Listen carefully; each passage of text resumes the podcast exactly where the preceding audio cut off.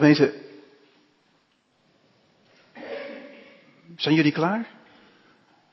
Zijn jullie erbij? Even opletten nu. Concentratie. Focus. Zulke momenten kom je iedere dag tegen. Een, een leerkracht voor een klas, een trainer op het veld, de coach op een cursus. Nu even opletten graag. Dit wil je niet missen. Een piepje, een lampje in mijn auto, een verkeersbord, een belsignaal, een knipperlicht, een ringtone, gezoom, getril van mijn smartphone. Het zijn wake-up calls. Wake-up calls. Ze maken me wakker. Ze maken me alert. Een wake-up call. Dat is de korte gelijkenis die Jezus vertelt. En hij begint al meteen met een aansporing. Sta klaar, doe je gordel om en houd de lampen brandend. Sta klaar. Wees paraat. Als bediende, als slaaf in het Oude Oosten betekent dat dat je je kleed opschort, wat omhoog trekt en er een soort van riem omheen doet, zodat je niet over je eigen kleed kunt struikelen. Als toga-dragende dominee kan ik me daar iets bij voorstellen. Ik moet altijd erg opletten als ik een trap hier oploop, dat ik er niet over mijn eigen toga struikel.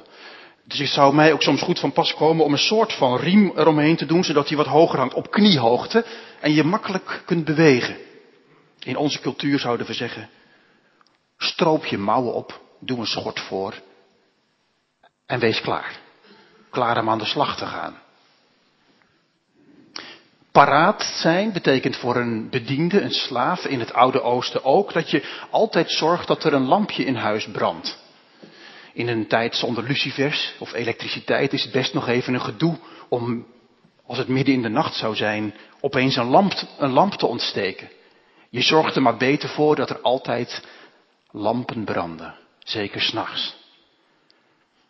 Zodat als het nodig is en je paraat moet zijn, je zo de lamp voor het grijpen hebt en je meester kunt dienen. Vandaar de aansporing, sta klaar. Doe je gordel om en houd de lampen brandend. Zo laat je zien dat je stand-by bent. Dat je op ieder moment beschikbaar bent voor je Heer. Ik kom straks nog even terug op hoe je dat dan praktisch maakt.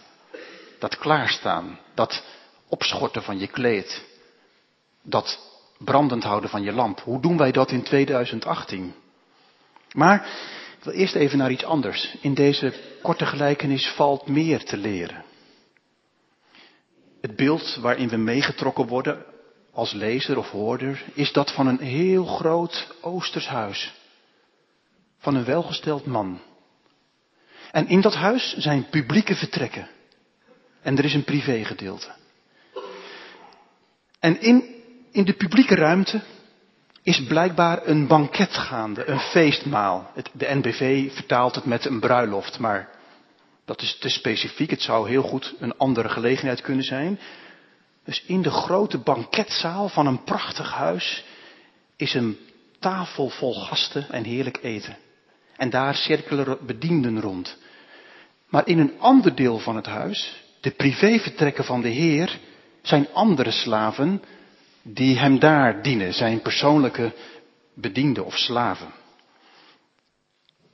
En op zeker moment besluit de Heer, die dan in de banketzaal aan tafel zit, het is zijn huis, het is zijn maaltijd, om terug te keren. Letterlijk staat er een woord in het Grieks wat we zouden kunnen vertalen met opbreken. Zijn boeltje pakken. Hij pakt zijn boeltje bij elkaar, kennelijk nog voordat de maaltijd voorbij is. En dat is nogal ongepast. Zeker in een eer- en schaamtecultuur.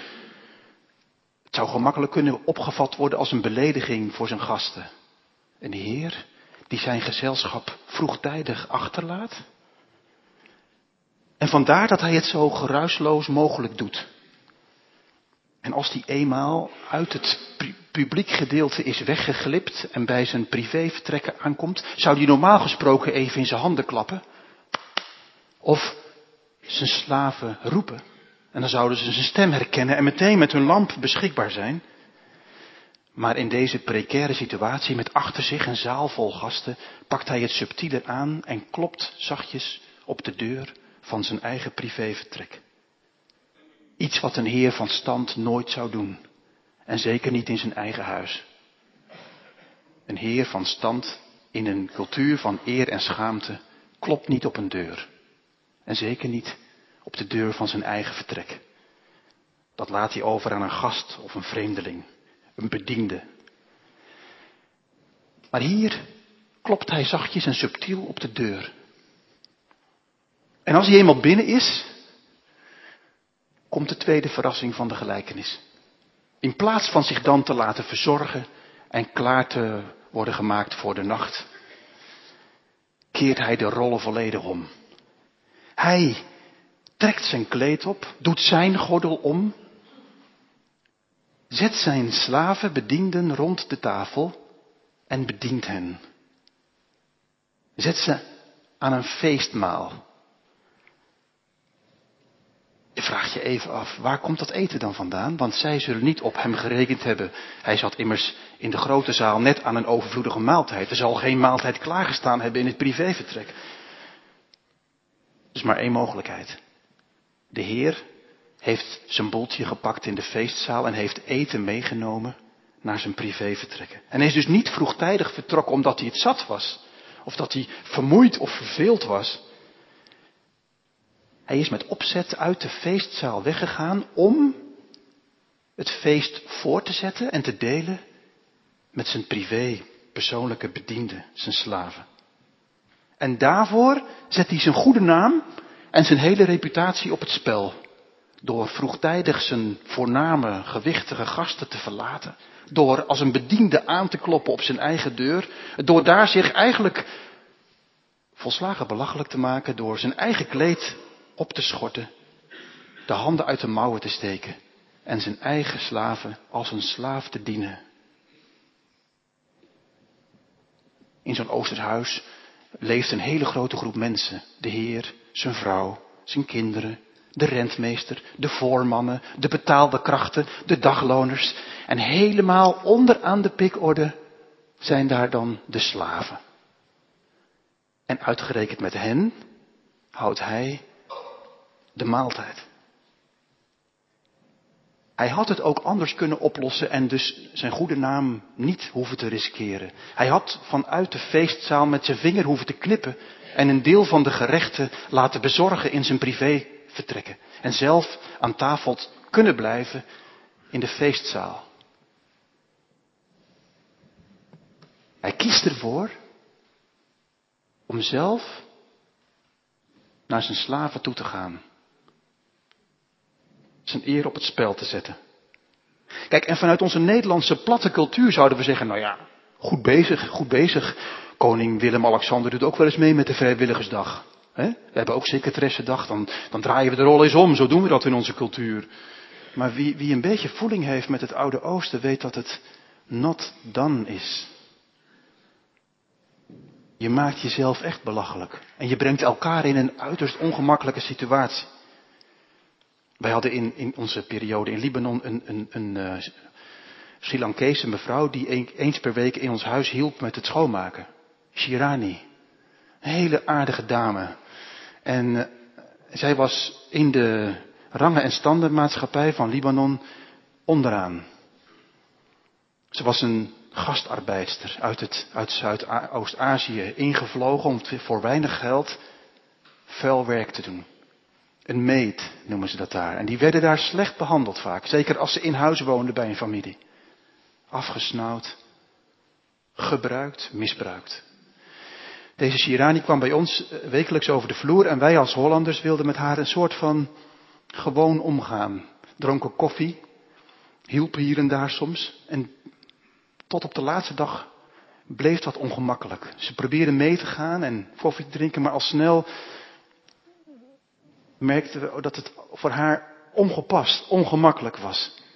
En, en, en we kenden ook wel voorbeelden in onze vriendenkring van mensen, van, van, ja, van personeel die dat niet goed kon hanteren en van de weeromstuit heel brutaal werden en helemaal de weg kwijt waren in de onderlinge verhoudingen. Die ongemak, dat ongemak moet u zich voorstellen bij bij dit moment, als die Heer daar zelf zijn kleed opschort, zijn handen uit de mouwen steekt en zijn eigen slaven aan tafel zet en ze dient. Dat ongemak wat we expliciet vinden bij de voetenwassing, waar Jezus het zelf zo doet. De voeten van zijn leerlingen wast. En de een naar de ander protesteert en het wil voorkomen. Dit is gênant. Dit is embarrassing, zeggen we dan. Dit is ongemakkelijk.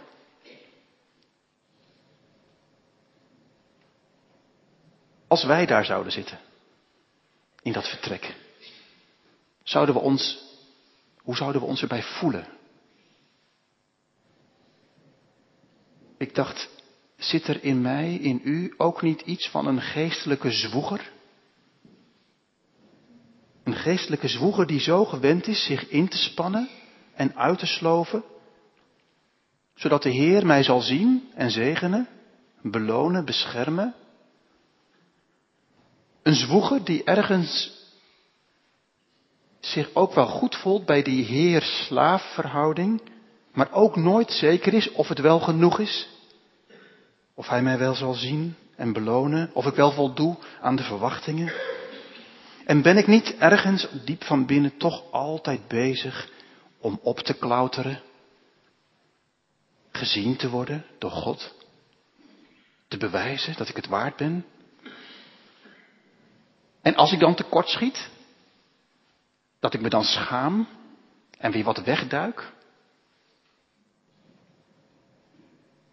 En zou ik dan als geestelijke zwoeger daar aan die tafel van de Heer in dat slavenvertrek me niet zeer ongemakkelijk voelen om door Hem bediend te worden? Jezus spreekt vanmorgen die geestelijke zwoeger aan in u, in jou en in mij. En hij zegt, het blijde nieuws, de blijde boodschap is niet dat jij zou moeten opklimmen, maar dat ik afdaal tot daar waar jij bent. Dat ik van alles af wil leggen, op wil schorten, mijn eer afleg om de feestzaal van de hemelse heerlijkheid te verlaten en op jouw level met jou te zijn, daar waar jij bent. Wil je eens stoppen? Wil je eens stoppen met je gehol en je gedraaf en je gesloof? Kom eens zitten. Martha, Martha, leg je bezem neer. Laat je nu eens bedienen. Ik ben niet gekomen om door jou gediend te worden, maar om te dienen en mijn leven te geven als een losprijs voor velen. Zou dat vanmorgen eens mogen inwerken op ons? Op de eerste adventszondag? Dat wij geestelijke zwoegers, klauteraars en klimmers nu eens mogen rusten. Ons door Hem laten bedienen. Want als dat het geval is, kan er iets worden doorbroken in uw en mijn hart. Doorbreekt Jezus iets wat, wat een heel andere levensgang kan geven. Hij doorbreekt dan dat beeld wat we zo hardnekkig met ons meedragen, dat wij zijn voetvolk zijn, zijn sloofjes. En dat hij eigenlijk met de rug naar ons toe leeft, met anderen bezig is in de feestzaal. En voor mij, tussen al die mensen, weinig tijd heeft. En dat ik dus mij moet uitsloven en moet presteren om iets neer te zetten, om het te verdienen, om de moeite waard te zijn. Hij klopt vanmorgen subtiel op jouw deur en de mijne en zegt, hé jij daar, geestelijke zwoeger, mag ik jou eens bedienen? Als dit echt landen kan, dat hij gekomen is niet om te oordelen, Niet om te, om onze oren te wassen, maar onze voeten. Dan, dan hoeven we ook niet zo bang te zijn voor die klop op onze deur. Ik kom hier op de Veluwe nog wel, nog wel eens mensen tegen die bij het onderwerp de, de, de wederkomst van Jezus met een zekere schichtigheid of schrik spreken. En soms gebruiken ouders het ook wel manipulatief in de opvoeding van hun kinderen. Als Jezus vanavond eens terug zou komen, zou hij je dan daar kunnen ontmoeten? Zou jij hem daar kunnen ontmoeten? In de kroeg. In een club. Op een feest waar vreselijk gedronken wordt. Maar, maar zo creëer je een cultuur van angst rond een moment wat eigenlijk een heel gracieus moment zou moeten zijn. De Heer, die Heer die ooit al kwam, komt terug. Niet een boeman, niet een, niet een, een slavendrijver, de Heer. De Heer. Jezus. En als, en als dan de klop klinkt op je leven, is er geen reden voor schuw te zijn, om schuw te zijn of schichtig. Geen reden voor schrik of schaamte. En als Jezus dus zegt vanmorgen tegen jou en u, sta klaar. Doe je gordel om. Hou je lampen brandend. Dan is dat een bemoediging. Een bemoediging om, om zo te leven dat je trouw bent in alles wat de Heer je te doen gegeven heeft. En heel bewust en aandachtig en in zijn geest en kijkend met zijn ogen de dingen te doen van elke dag in je werk en je gezin, in je sociale leven. En, en in wat van je gevraagd wordt, jezelf geen reus te geven zoals hij zichzelf gaf. Niet terughoudend te zijn, niet karig. Nee, jezelf echt toe te wijden aan iedere rol en iedere taak en ieder mens die je pad kruist. Zonder jezelf er helemaal in te verliezen, omdat je ten diepste weet, het beslissende zit niet in mijn dienst, maar in zijn dienst. Het beslissende is al gebeurd in zijn komst, in zijn leven, sterven en opstanding. En het beste komt nog als hij weer komt en alles nieuw maakt. Hoor je vanmorgen dit woord tot jou, tot u? Sta klaar. Doe je gordel om. Houd de lampen brandend. Ja, hoe doe je dat nou? Hoe dan? Nou, niet obsessief. Niet gefixeerd.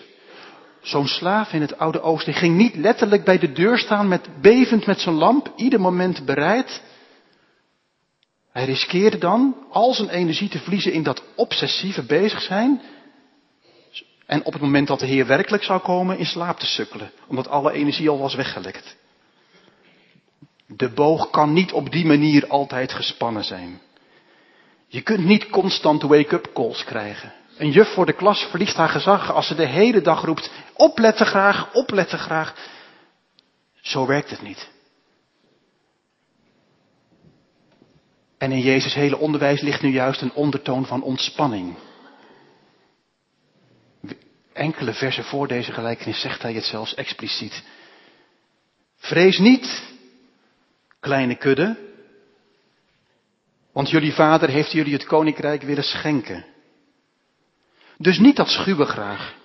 Dat zouden we in ons, gemeenteleven niet moeten willen cultiveren. Geen cultuur van angst. Niet van schrik. Niet van schuwheid. Dat is slaafse vrees. Maar hoe dan wel? Ik dacht zo. Misschien kent u het wel. Je, bent bezig met een probleem op je werk, een vraagstuk, een, een, strategische keuze die je moet maken, een speech die je moet houden. Een, je wilt iets oplossen en je hebt een soort van puzzel en je zit erop te broeden. Je wacht op die inval, het inzicht. En, en we weten allemaal dat als je dat obsessief doet, dat het dan niet werkt. Dat het dan blokkeert. Dan krijg je een writersblok, heet het dan. dan. Dan komt er niks meer uit je, uit je handen, dan, dan zie je het niet. En we weten allemaal dat, dat een muzikus of een spreker of een. Noem maar op, iemand die in zo'n creatief proces bezig is, dat, dat je het dan het beste maar even loslaat. Maar niet helemaal loslaat. Zo loslaat dat je bijvoorbeeld een rondje gaat rennen door het bos, gaat wandelen in de natuur, eh, in een goed boek duikt, een nachtje erover slaapt en wij kennen allemaal hopelijk de ervaring dat het dan soms in één keer op zijn plek valt. En je denkt, dit is het. Dit is wat ik nodig had. Dit is het juiste. Dit is het moment. En het licht gaat aan. En, en, en het, is, het is dus een soort subtiel proces waarbij je aan de ene kant het even loslaat, maar ook weer niet. Van de week hadden we op een kerkraadsvergadering, een kleine kerkraad, hadden we daar een soort van gesprekje over. Waarbij we zeiden, ja, als je nou tegen elkaar zou zeggen, joh, doe gewoon je ding. En de Heer komt wel een keer. Ja, ja dan heb je het dus echt losgelaten en verlies je dus de, de concentratie. Nee, het is die, die dunne lijn tussen gespitst blijven ergens op en, maar niet overfocus. Snapt u wat ik bedoel? Het is een soort tussenin. Je, je bent ermee bezig, maar vanuit een grondhouding. En intussen, intussen doe je je werk en kook je en, en, en stofzuig je en weet ik veel. Doe je, zie je om naar elkaar en, en ben je er helemaal in ieder moment van de dag. Je loopt, loopt niet met je hoofd in de wolken en toch ergens ook wel. Je hebt een soort Martha in je met een bezem maar ook een Maria. En die twee, die, die zijn er alle twee. Ik dacht, als een, zoals een bediende in een heel goed restaurant. Het zit bomvol, de zaterdagavond, laten we zeggen de verrassing hier. Iemand is daar bezig, heel druk, twintig tafels te bedienen. Doet alles met aandacht, morst niets, geeft... En als gast heb je het idee, ziet hij mij wel. Maar, maar je hoeft maar even zo te doen en vanuit zijn hij heeft, lijkt ogen in zijn achterhoofd te hebben, een zesde zintuig. En hij of zij reageert meteen. Ik dacht zoals de vrijwillige brandweer in ons dorp. Die, ze zijn druk overdags met, met fietsen of met groenten of iets anders. En, en dat doen ze vol overtuiging. Of ze zitten in de kerk. En, en dan gaat in één keer dat specifieke piepje. En dan heb je in één keer in de gaten, oh maar wacht eens, ze zijn wel aan het werken in hun winkel, maar ergens is er ook een soort proces in hun leven, als ze dienst hebben gaande, waardoor ze meteen reageren als het nodig is. En zitten ze op een fiets, nog voordat iemand het in de gaten heeft, op weg naar de kazerne. Beste vrienden, dat is, de, dat is het adventsleven. Laten we ons daarin oefenen. Oefenen in verwondering omdat de Heer mij ook ziet. We hebben het net gezongen. Onder al die miljoenen ook mij op het oog heeft. Ook u. Niet met de rug naar je toe leeft en met belangrijkere dingen bezig is. Nee, zich omdraait, aanklopt, de intimiteit in wil met je. In mij de zwoeger tot rust wil brengen, brengen mij wil bedienen en u die slaafse vrees uit ons leven wegdrijven. Laten we ons daarin oefenen wat het betekent wat de oude apostel Johannes zegt in een van zijn laatste brieven. De volmaakte liefde drijft de vrees buiten. Dat is een aspect van adventsleven. En het tweede is dit. Laten we ons te midden van het vele, en uw leven zal net zo gevuld zijn als het mijne. Laten we ons te midden van het vele ons ook blijven concentreren op het ene. Te midden van het urgente, het belangrijke blijven zien. Mezelf volledig geven, iedere dag, zonder mezelf erin te vriezen. Want mijn hart is voor de Heer, die naar ons omkwam en omzag. En als Hij terugkomt en Zijn dag is daar, of als ik wordt geroepen en mijn dag is daar, zal ik klaarstaan. Mijn gordel om en de lampen brandend. Amen.